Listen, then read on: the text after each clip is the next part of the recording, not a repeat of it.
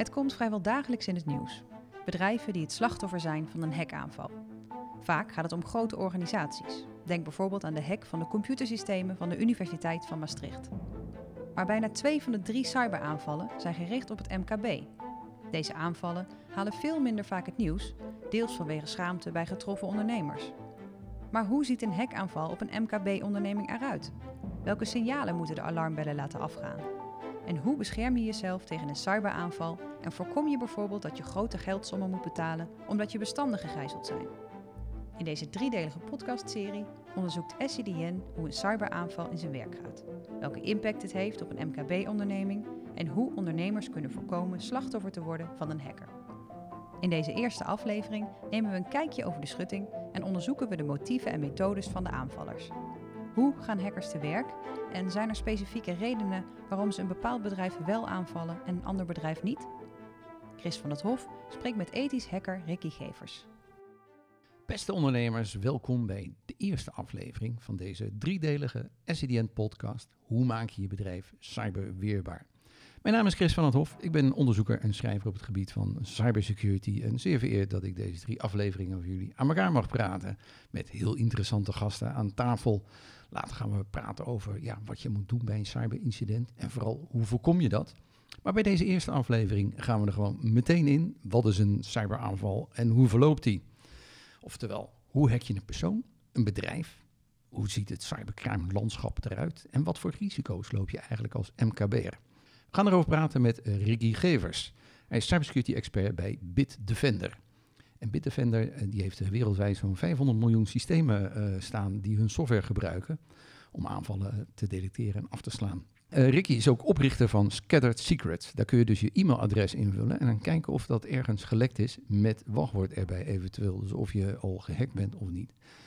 Ricky werkte eerder ook mee als hackman in de gelijknamige campagne van SEDN. Uh, nou, die wees consumenten erop uh, alledaagse cybergevaren zoals het gebruik van openbare wifi-netwerken.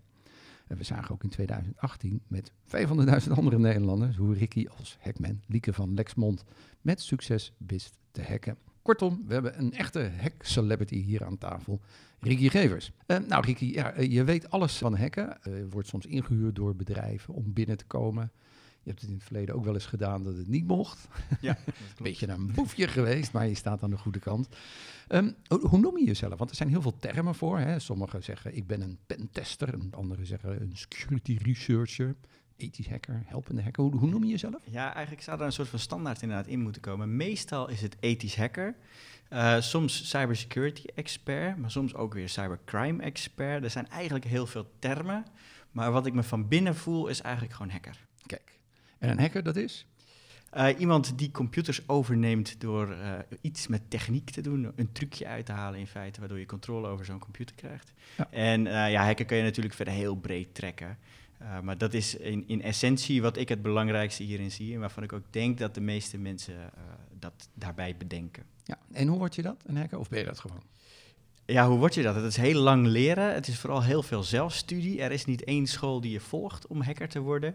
Uh, ik denk dat je affiniteit met computers moet hebben. Dat je vooral ook heel veel geduld moet hebben. Want je, je hackt niet iets zomaar. Tijd is een hele belangrijke factor daarin.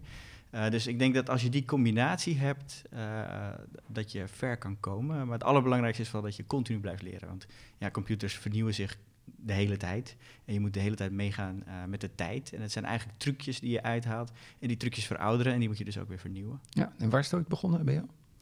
Waar het bij mij begonnen is, ik heb ooit uh, als eerste een website gebouwd en die website werd toen op een gegeven moment gehackt.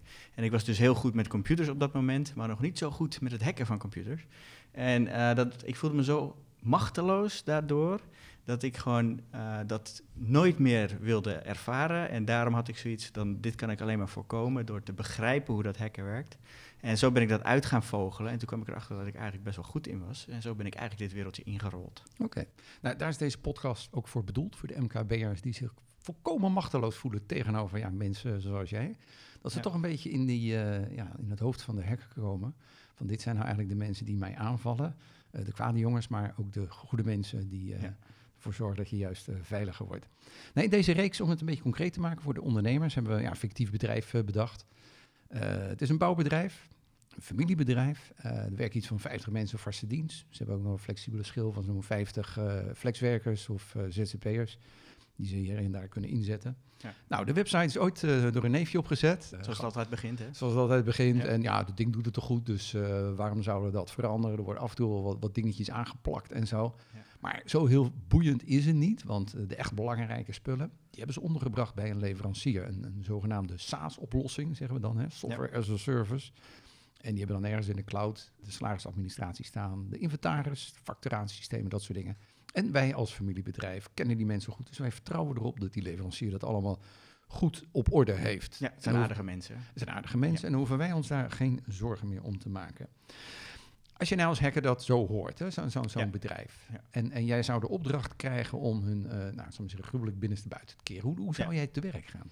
Nou, het belangrijkste is dat de meeste bedrijven eh, deze opzet hebben. Dus dat is wel een goede casus in dat opzicht. Maar het is ook heel belangrijk om te beseffen dat er eigenlijk twee manieren zijn om een bedrijf aan te vallen. Je hebt eh, de cybercrime, waarbij, dat noemen ze dan vaak een, schot met hagel. Dus dat zijn hackers die gewoon eigenlijk in het rond sprayen en hopen een visje aan de haak te slaan, eh, om het eventjes zo te zeggen. En je hebt mensen die echt dedicated naar een bedrijf toe gaan. Dus, en de twee tactieken die daarachter zitten, die zijn eh, heel verschillend. Maar als we echt specifiek focussen op dit bedrijf, dan ga je vaak kijken naar elementen binnen het netwerk die vergeten zijn. Want als je namelijk iets vergeet, dan betekent dat dat je het vaak ook niet meer update. En ehm, eh, een van de eerste dingen die je gewoon kan doen, is simpel op online gaan zoeken eigenlijk naar wat voor elementen kun je vinden. En een belangrijke factor is domeinnamen bijvoorbeeld. Hè.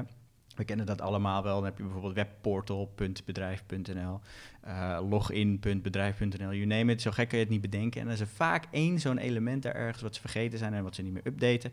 En dat zou bijvoorbeeld in dit geval eh, de website van dat neefje kunnen zijn. Als je deze situatie dus op deze manier aan mij schetst, dan zou ik waarschijnlijk als eerste naar die website van dat neefje eh, kijken, want het is precies wat jij zegt. Er is van alles aan elkaar geknoopt en aangeplakt. En daar is bijna altijd wel ergens een kwetsbaarheid te vinden waar je gebruik van kan maken, eh, zodat je dat bedrijf binnenkomt.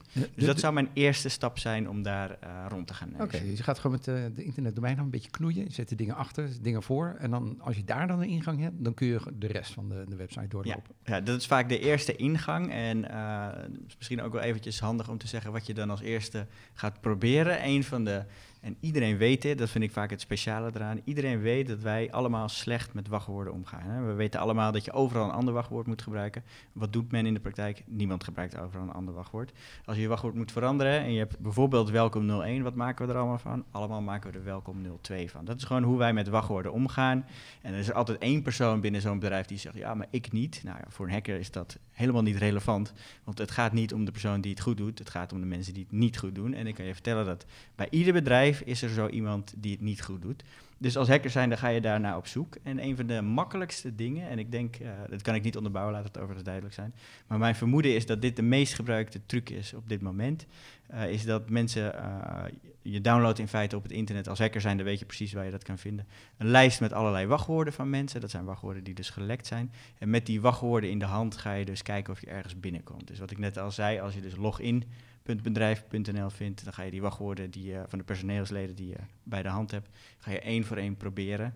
En ik kan je nu al op een briefje meegeven dat er eh, een hele grote kans is dat één van die 50 medewerkers eh, wellicht niet welkom 01 gebruikt, maar wel welkom 02. Ja, En dan hebt, ben je binnen. want je hebt zelf dat uh, Scarlet Secrets. Ja. Ehm, daar kun je dus eh, je, eh, je e-mailadres invullen en dan kun je zien of je ergens gelekt bent. Ja. Ehm, hoe, kom je aan die informatie?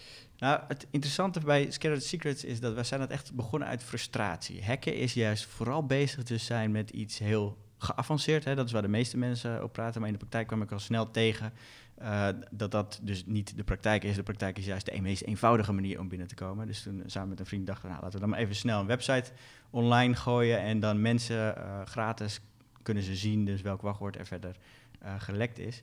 Maar wij doen wat alle criminele hackers doen. Wij zoeken op het internet naar die databases en die downloaden wij. En wij kraken die wachtwoorden ook. En dat is ook precies wat die hackers doen. Dus wij spelen eigenlijk het, hetzelfde spelletje als wat die hackers doen. Alleen doen wij het aan de goede kant en de hackers aan de andere kant in feite. Ja, want ik denk dan zelf als ik naar Scarlet Secrets ga en ik vul dan mijn e-mailadres in.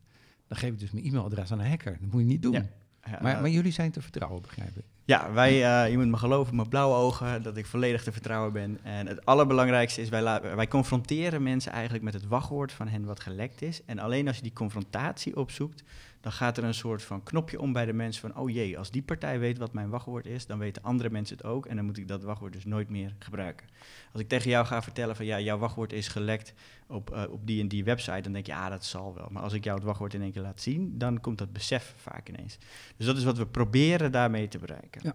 Oké, nou we hebben dus dat uh, familiebouwbedrijf. Ja. Uh, op de website hebben we inderdaad een uh, internetadres gevonden waarmee we een heel oude database aantroffen, waar je dan uh, ja, oude data... is ook vaak iets wat je tegenkomt. Ja, oké. En uh, nou, het neefje had een uh, hele goede passwordmanager met een heel moeilijk lang wachtwoord, dus daar kwamen we niet in. Ja.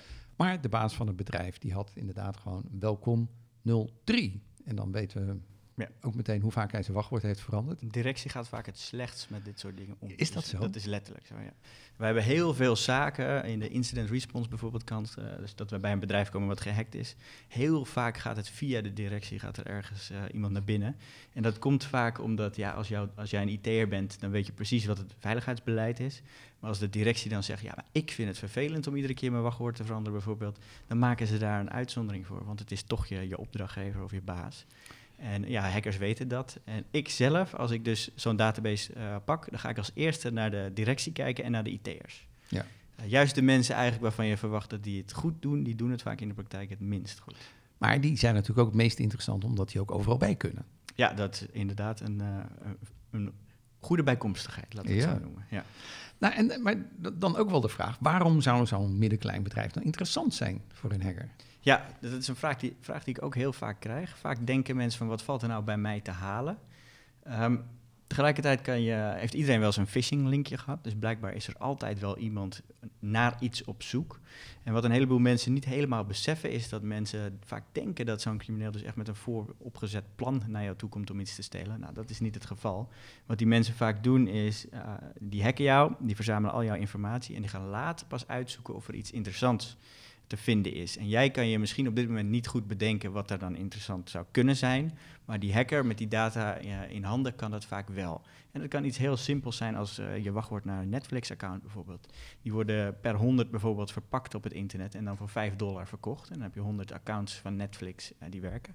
En dat, dat bedrag is heel klein, hè? dus ze verdienen op jouw account uh, nou, heel weinig. Maar dat is hoe hackers werken. En die verzamelen al die gegevens dus bij elkaar en dan doen ze een strik eromheen en dan verkopen ze het. En zo ben je dus ongezien daar ook uh, slachtoffer van. Oh, en dat is dus eigenlijk die, die tweede aanvalstechniek die je beschreven hebt. Want de eerste is dan van, je hebt een specifieke target. Je denkt van, ik ga dat bouwbedrijf uh, binnenste buiten keren. Ja. Kijk wie de directeur is op een website of de dingen lek zijn. Ja. En dat schot hagel, hè, wat jij zei, dat is de tweede methode. Dan begin je dus eigenlijk met iets wat of al gelekt is of een bepaalde kwetsbaarheid. Je zoekt het hele internet af. Dan kom je ergens binnen en dan pas kijk je van... Oh, dit is een, uh, een bouwbedrijf, er werken 50 mensen. Ja. Exact. Zou dat interessant kunnen zijn? Ja, en wat een goede manier is om deze twee tactieken eventjes door te nemen is wellicht ransomware. Dat hmm. is namelijk iets wat iedereen kent op dit moment. Uh, ransomware is begonnen eigenlijk in, op een manier waarbij die, die aanvallers echt miljoenen e-mails tegelijk verstuurden. Nou, iedereen uh, die dit luistert heeft zo'n e-mailtje wel eens in zijn inbox gehad. Gelukkig, of tenminste ik hoop dat de meesten daar uh, niet op geklikt hebben. Maar waar die jongens om gaat is misschien die tien mensen die dan op het, wel op het linkje klikken. Die worden geïnfecteerd met die ransomware en die betaalden in het begin in ieder geval uh, dan ongeveer 50 dollar om hun eigen computer te krijgen. En dan werd die ontgrendeld en dan uh, was die crimineel 50 dollar rijker. En wat ze nu dus doen is dan sturen ze nog steeds die miljoen e-mailtjes. Maar dan gaan ze vervolgens kijken naar wie zijn er exact besmet. En pas als er een interessant bedrijf achter zit, dan gaan ze verder uitzoeken uh, welke partij er dan achter zit. En dan voeren ze een ransomware aanval tegen dat hele bedrijf uit. En dan kun je veel meer vragen natuurlijk. Ja, exact. Vroeger kreeg je dus bij bijvoorbeeld 10 computers 50 dollar. En nu zoeken ze uit die 1 miljoen uh, één partij uit. En dan krijgen ze misschien wel een miljoen aan ransomware voor. Dus het verdienmodel is daardoor eenvoudiger voor hen geworden. En uh, ze verdienen er veel meer aan. Maar dat dan als ondernemer dan... dan uh ervaar je dat dan waarschijnlijk ook anders. Want, want als, als gewoon zo'n zo'n simpele ransomware besmetting, dat, die, die wordt meteen geactiveerd natuurlijk. Ja, 50 dollar. Maar die van 50 dollar. Ja. Maar als ze meer geld willen, dan gaan ze wat langer in je netwerken rondkijken om te kijken van wat is wat waard, hoeveel geld hebben ze nou eigenlijk. En dan zijn ze dus langer in je netwerk aanwezig voordat Ja. je er wat van merkt. Ja, ze gaan dus heel gericht zoeken naar zo'n partij en dan nemen ze die ene computer over. En van die ene computer proberen ze uiteindelijk het volledige netwerk over te nemen. En dat is een beetje het verschil tussen een ongerichte aanval en een gerichte aanval. En eh, de potentiële schade bij een gerichte aanval is dus ook echt vele malen groter. Ja. Eh, wat die ransomware jongens eh, letterlijk proberen is het hele bedrijf plat te leggen. Dus geen één computer willen ze in feite overslaan. Ja, heb, heb je daar voorbeelden van? Je bedoelt dan een ransomware partij? Die, ja, eh, die, die gewoon echt geslaagd is. Ja, de, de bekendste denk ik in Nederland is die van de Universiteit van Maastricht eh, Ja. geweest. Die hebben redelijk de publiciteit daarmee gezocht en die hebben alles geopenbaard, wat heel netjes is. Heel veel partijen proberen het allemaal geheim te houden en daardoor krijgen wij er niet zo heel veel eh, van mee. Uh, maar de Universiteit van Maastricht is een goed voorbeeld, waar bijna alle computers van een faculteit vergrendeld werden en op slot gezet. Die hebben uiteindelijk, even uit mijn hoofd zeg ik dit hoor, twee ton geloof ik betaald om dat weer ontgrendeld te krijgen. Ja. Vind je dat oké? Okay? Want daarmee stimuleren ze wel het businessmodel van die aanvallers natuurlijk. Of, of ja. nog mooier, die aanvallers weten, deze universiteit is bereid om te betalen. Dus misschien komen we nog eens een keertje terug. Dat is eigenlijk heel slecht toch om dat te doen. Moet je ja. gewoon niet doen. Ja, betalen is super slecht. Laat Ja. dat even duidelijk zijn, want daarmee hou je dus het verdienmodel van de criminelen in stand. Tegelijkertijd, als je een partij helpt die op dat moment door ransomware getroffen is, uh, waarbij uh, het letterlijk de keuze is of we gaan failliet of we betalen de ransomware, dan denk ik dat de keuze weer heel anders is uh, als je daar staat. Dat moet je uh, Ja, kijk, wij proberen altijd backups terug te zetten zodat een bedrijf weer verder kan en in veel gevallen lukt dat. Maar in sommige gevallen lukt dat gewoon niet en het is een kosten-baten-afweging uiteindelijk. En soms in de Universiteit van Maastricht bijvoorbeeld, dan kom je in een situatie te staan dat het misschien een jaar duurt voordat ze weer up and running zijn. Nou ja, dat kan niet bij zo'n universiteit. En dan is twee ton betalen is gewoon vele malen goedkoper dan te kiezen voor het andere traject. Dus het blijft uiteindelijk een kosten-baten uh, overweging die, uh, die zo'n partij maakt. En ik denk dat we allemaal ook wel snappen dat failliet gaan geen optie is. Nee. En uh, ik heb meerdere MKB'ers gehad hoor, die failliet gegaan zijn door dit soort aanvallen. Dus ja? het is niet... Nou, het gebeurt niet heel vaak, laat dat duidelijk zijn hoor. Echt één of twee per jaar uh, bij ons. Dus ik zou niet weten hoeveel dat in, in totaal in Nederland is. Maar dat wil je gewoon niet meemaken. Uh, zo simpel is het. Maar je zegt bij ons, uh, bij Bitdefender. Ja, bij Bitdefender inderdaad. Kla klanten van jullie die alsnog gehackt zijn, ondanks die dosis van jullie? Nee, juist niet eigenlijk. Vaak is het juist, Oh, dan worden ze gehackt en dan komen ze naar je toe van, kan je ons helpen? Dat ah, is de situatie. Op die manier. Nee, Ja. want ik dacht, als, als jouw klanten gehackt worden, dan heb je toch iets niet goed gedaan. Maar ja, ja, maar ransomware is een hele vernuftige techniek hoor. Dus het kan altijd gebeuren. Dat is Ja. echt wel belangrijk om even te beseffen. En wat die criminelen vaak doen op het moment dat ze een computer weten te hacken, het eerste wat ze uitschakelen is de antivirussoftware natuurlijk. uiteraard. Ja. Ja, zo werkt dat. Als we Ja. even teruggaan naar het voorbeeld van het middengroot bedrijf. Ja. Die website die hebben we binnenstebuiten gehaald. Maar goed, er was gewoon een eh, uithangbord, dus dat was allemaal niet zo boeiend. Inderdaad, het wachtwoord, dat was even slikken. Maar die SaaS-oplossingen die we hebben draaien, hè, de- dus het facturatiesysteem, de inventaris, dat draait allemaal in de cloud. En als je dan als hacker door het netwerk loopt, eh, zie je dan, oh, nou, nu ga ik naar de cloud toe, dus dat is niet meer interessant. Nee, natuurlijk niet. En dat is vaak wel wat mensen denken.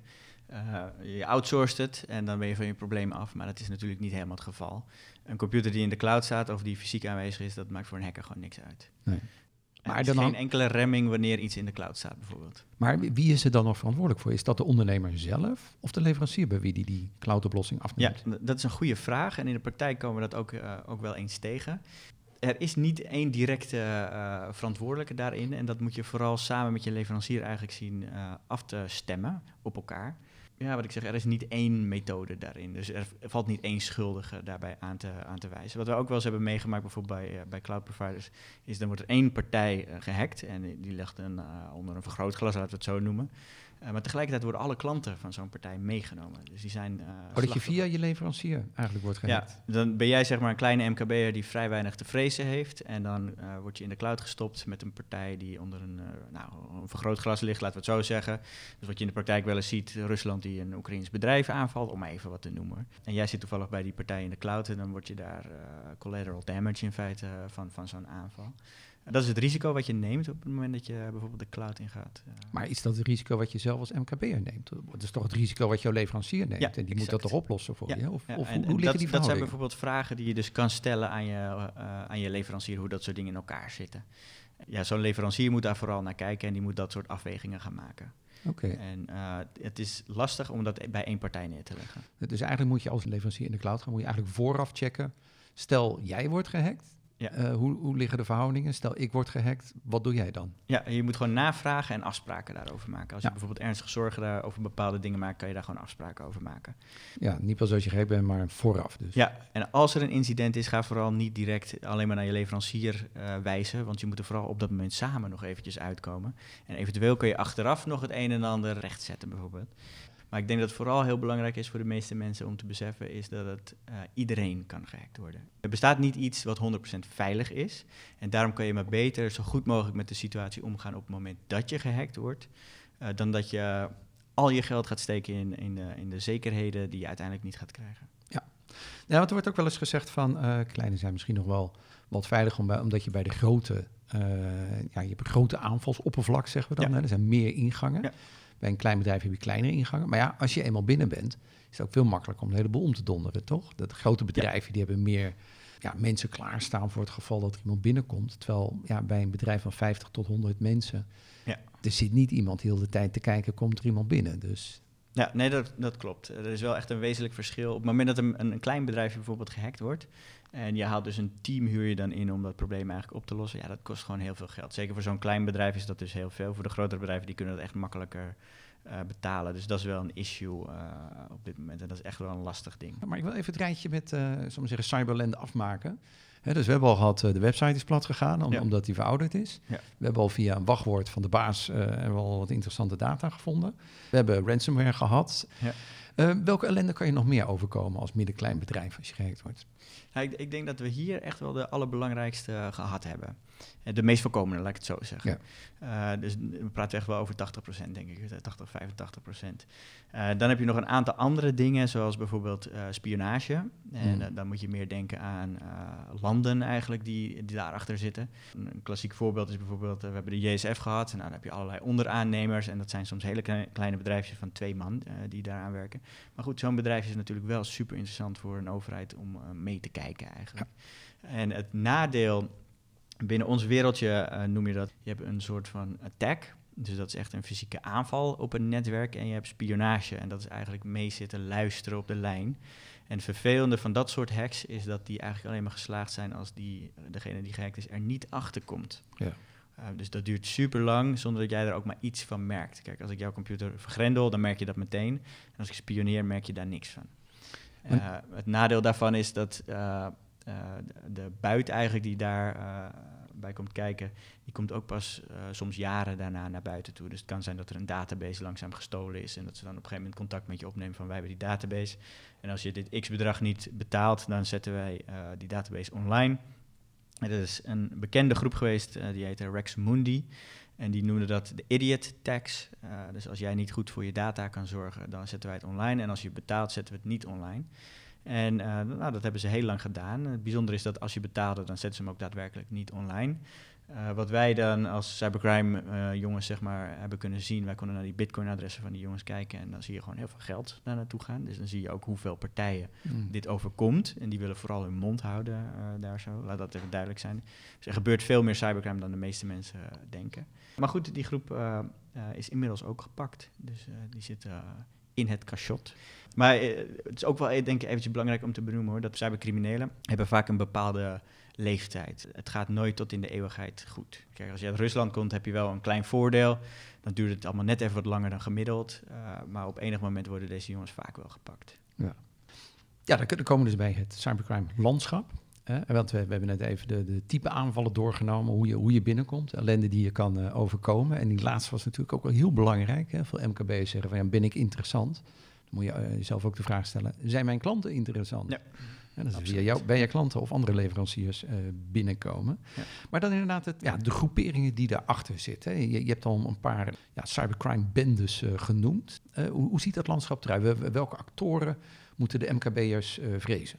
Ja, als we bovenaan beginnen, dan heb je de statelijke actoren. Dat noemen we APT's, de Advanced Persistent Threats. Mhm. Daar staat dat voor.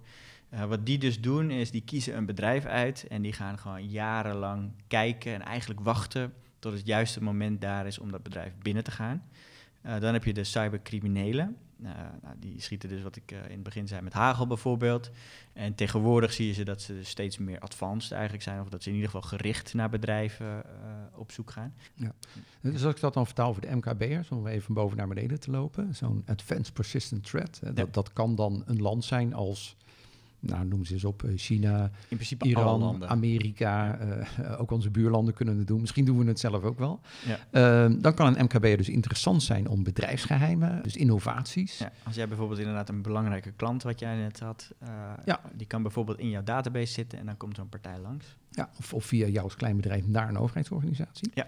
Nou, die tweede die je noemde, cybercrime bendes, dan, dan draait het gewoon om geld. Ja. En dus ja, vooral ransomware, maar misschien ook andere dingen die ze kunnen stelen. Of, ja, er is van alles. Hè. Dus die databases uh, zie je bijvoorbeeld ook uh, gebeuren. Maar ransomware is echt wel het belangrijkste uh, op dit moment. zijn er bijvoorbeeld ook wel bedrijven die zo'n criminele bende inhuren om de concurrent om te donderen? Of? Ja, ja dat gebeurt ook. Dat gebeurt niet oh. heel veel, gelukkig maar. vaak worden die concurrenten ook redelijk snel gepakt. Want er zijn er vaak bijvoorbeeld twee. En ja, dan weet je al snel wie erachter zit. Oh, ja. Dus concurrenten proberen elkaar ook weg te vagen. Maar wat moet je dan als middenklein bedrijf? Als, als ze dan een beetje een beeld hebben van die, die aanvallers. Uh, en uiteindelijk komen ze altijd wel binnen. Ja. Um, als je maar genoeg tijd hebt, kom je altijd binnen. Dat is eigenlijk uh, het belangrijkste om te weten. Ja. En daarom moeten we ook een beetje uh, van het principe dus af dat je 100% veilig kan zijn. Hij gaat gewoon voor iedereen. Als je niet al gehackt bent, dan ga je sowieso in de toekomst ergens nog gehackt worden. Dus je kan maar beter goed met die situatie omgaan dan dat je het 100% uh, probeert te voorkomen. Verder zijn er een aantal relatief gezien eenvoudige manieren om de kans dat je gehackt wordt echt significant omlaag te brengen. En dat zit hem niet zozeer in zeer geavanceerde systemen in je netwerk bijvoorbeeld neerzetten. Uh, maar om het probleem met die wachtwoorden bijvoorbeeld op te lossen, kun je two-factor authentication gebruiken. En het vervelende hieraan is, is dat het two-factor authentication heet en mensen dat heel lastig vinden om uit te spreken en het daardoor ook heel moeilijk te vermarkten is. Uh, maar wat het inhoudt is dat je via een tweede manier inlogt op jouw account. Dus als ik mijn wachtwoord invoer, dan moet ik daarna krijg ik of een sms'je op mijn code of ik moet een app openen waarin een uh, authenticatie staat. Een van die twee kan je zelf kiezen. Uh, maar als hacker zijnde lukt het mij dus vrij eenvoudig om achter jouw wachtwoord te komen. Maar als jij two-factor authentication hebt, dan kom ik gewoon jouw account niet in. Zo simpel is het, want ik heb jouw telefoon in, niet in mijn handen. Tuurlijk zijn er altijd daar ook weer uitzonderingssituaties maar dan praten we echt over een enorm klein percentage. Dus er is eigenlijk geen reden om niet two-factor authentication ja. uh, Nou ja, het is een extra handeling. En ondernemers die, uh, willen altijd alles snel en makkelijk. Ja, alles wendt. En hier in Nederland zijn we bijvoorbeeld ook heel erg gewend in te loggen met zo'n random reader. Hè, dus uh, bij de banken allemaal. Ja. Uh, er is eigenlijk bijna niemand in Nederland die daar verder over klaagt. En dat komt omdat wij het gewoon gewend zijn. Terwijl in het buitenland is men het helemaal niet gewend dat. En ja, je moet even die drempel over inderdaad. Ja, dat is even lastig in het begin, maar als het eenmaal went, dan, uh, dan valt het allemaal hartstikke mee. En wat het allerbelangrijkste is dat de kans dat je dan nog, jouw account dan nog gehackt wordt, die is zo enorm klein, dat is echt bijna verwaarloosbaar. Eigenlijk ja, vrij simpel dan. Ja, exact. De belangrijkste maatregelen zijn super simpel vaak. Ja, dus de wachtwoordmanager, ja. dingen updaten. Ja. Uh, en inderdaad twee-factor authenticatie. Ja, updaten, je zei het net eventjes al kort, maar dat is echt wel een onderbelicht dingetje. En ik zal even proberen uit te leggen waarom dat uh, belangrijk is. Want de meeste mensen beseffen niet helemaal waarom dat zo uh, belangrijk is. Ja, want dan, dan klap je laptop open, je wil even gaan een factuurtje ja. uitsturen. begint het ding weer te zeuren van updates draaien. Ja, en dan klik je dat weg. Een half uur voordat hij klaar is. Ja, daar heb ik nu even geen tijd voor. Morgen weer. En morgen denk je, morgen weer. Ja. Nou, het ding bij hackers is, waar we het over gehad hebben, verschillende manieren om aanvallen uit te voeren. En een van die manieren is ook, uh, je hebt de Microsoft Patch Tuesday, dan komen er allerlei updates van Microsoft uit.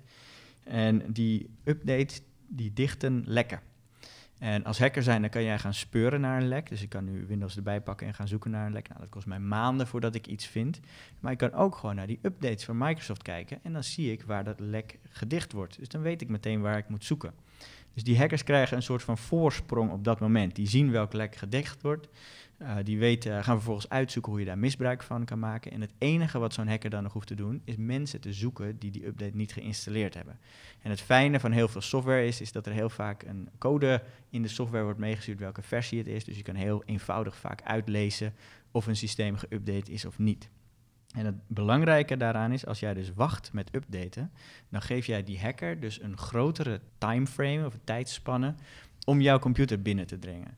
Dus hoe langer jij wacht met die update, hoe meer kans dat jij gehackt wordt. En daarom is het altijd belangrijk dat je altijd zo snel mogelijk je computer update. Ja, dat, voor de luisteraars misschien tegenstrijdig, maar, maar juist als er dus een lek gedicht wordt, dat is het moment dat je het meest kwetsbaar bent. Ja, vanaf dan gaat de timer eigenlijk aan. Als hacker zijnde is het echt, dat is echt gewoon een ding. En een heleboel mensen beseffen dat niet. Als die updates dus op dinsdag uitkomen, gaan al die hackers pakken ze er allemaal bij. En die gaan allemaal zo snel mogelijk proberen uit te vogelen welke lekker nu precies door Microsoft is gedicht. Zodat ze zo snel mogelijk, zoveel mogelijk mensen kunnen aanvallen. En hoe sneller ze dat doen, hoe meer ze, of hoe meer kans ze hebben om computers over te nemen. Dus dames en heren, steeds als die update voorbij komt, meteen installeren. Ja. Of in ieder geval dezelfde dag nog, Ja, laten we het zo hoe zeggen. sneller je doet, hoe kleiner de kans is dat je gehackt wordt. Nou, ja, Rieke, hartelijk dank. We hebben een mooi beeld gekregen van hoe hackers te werk gaan. En misschien is, het nog wel de allerbelangrijkste les van eh, deze eerste aflevering voor eh, de MKB'ers. Eh, denk zelf ook eens als een hacker. Hè? Hoe hoe zou je jezelf hacken? Voor wie zou je interessant zijn? Hoe zou je te werk gaan? Ja. Dat is echt een van de belangrijkste. Nou, die hacker mindset proberen te krijgen. Ja. En vanuit dat perspectief echt te kijken. Het is eigenlijk nog leuk ook. Ja, het is absoluut. Best wel spannend Ja. eigenlijk. En we zoeken ook mensen. Dus, eh, Oh, kijk eens aan. Nou ja, inderdaad, als je dan eh, dat bouwbedrijf helemaal binnenste buiten hebt gekeerd, kun je allemaal bij Ricky aan de slag. exact. Het verdient ook nog eens goed. Allemaal pluspunten. Ja, zo ben je er ook in gekomen, hè? Ja, letterlijk inderdaad. Ja. Ja, nou, kijk eens aan.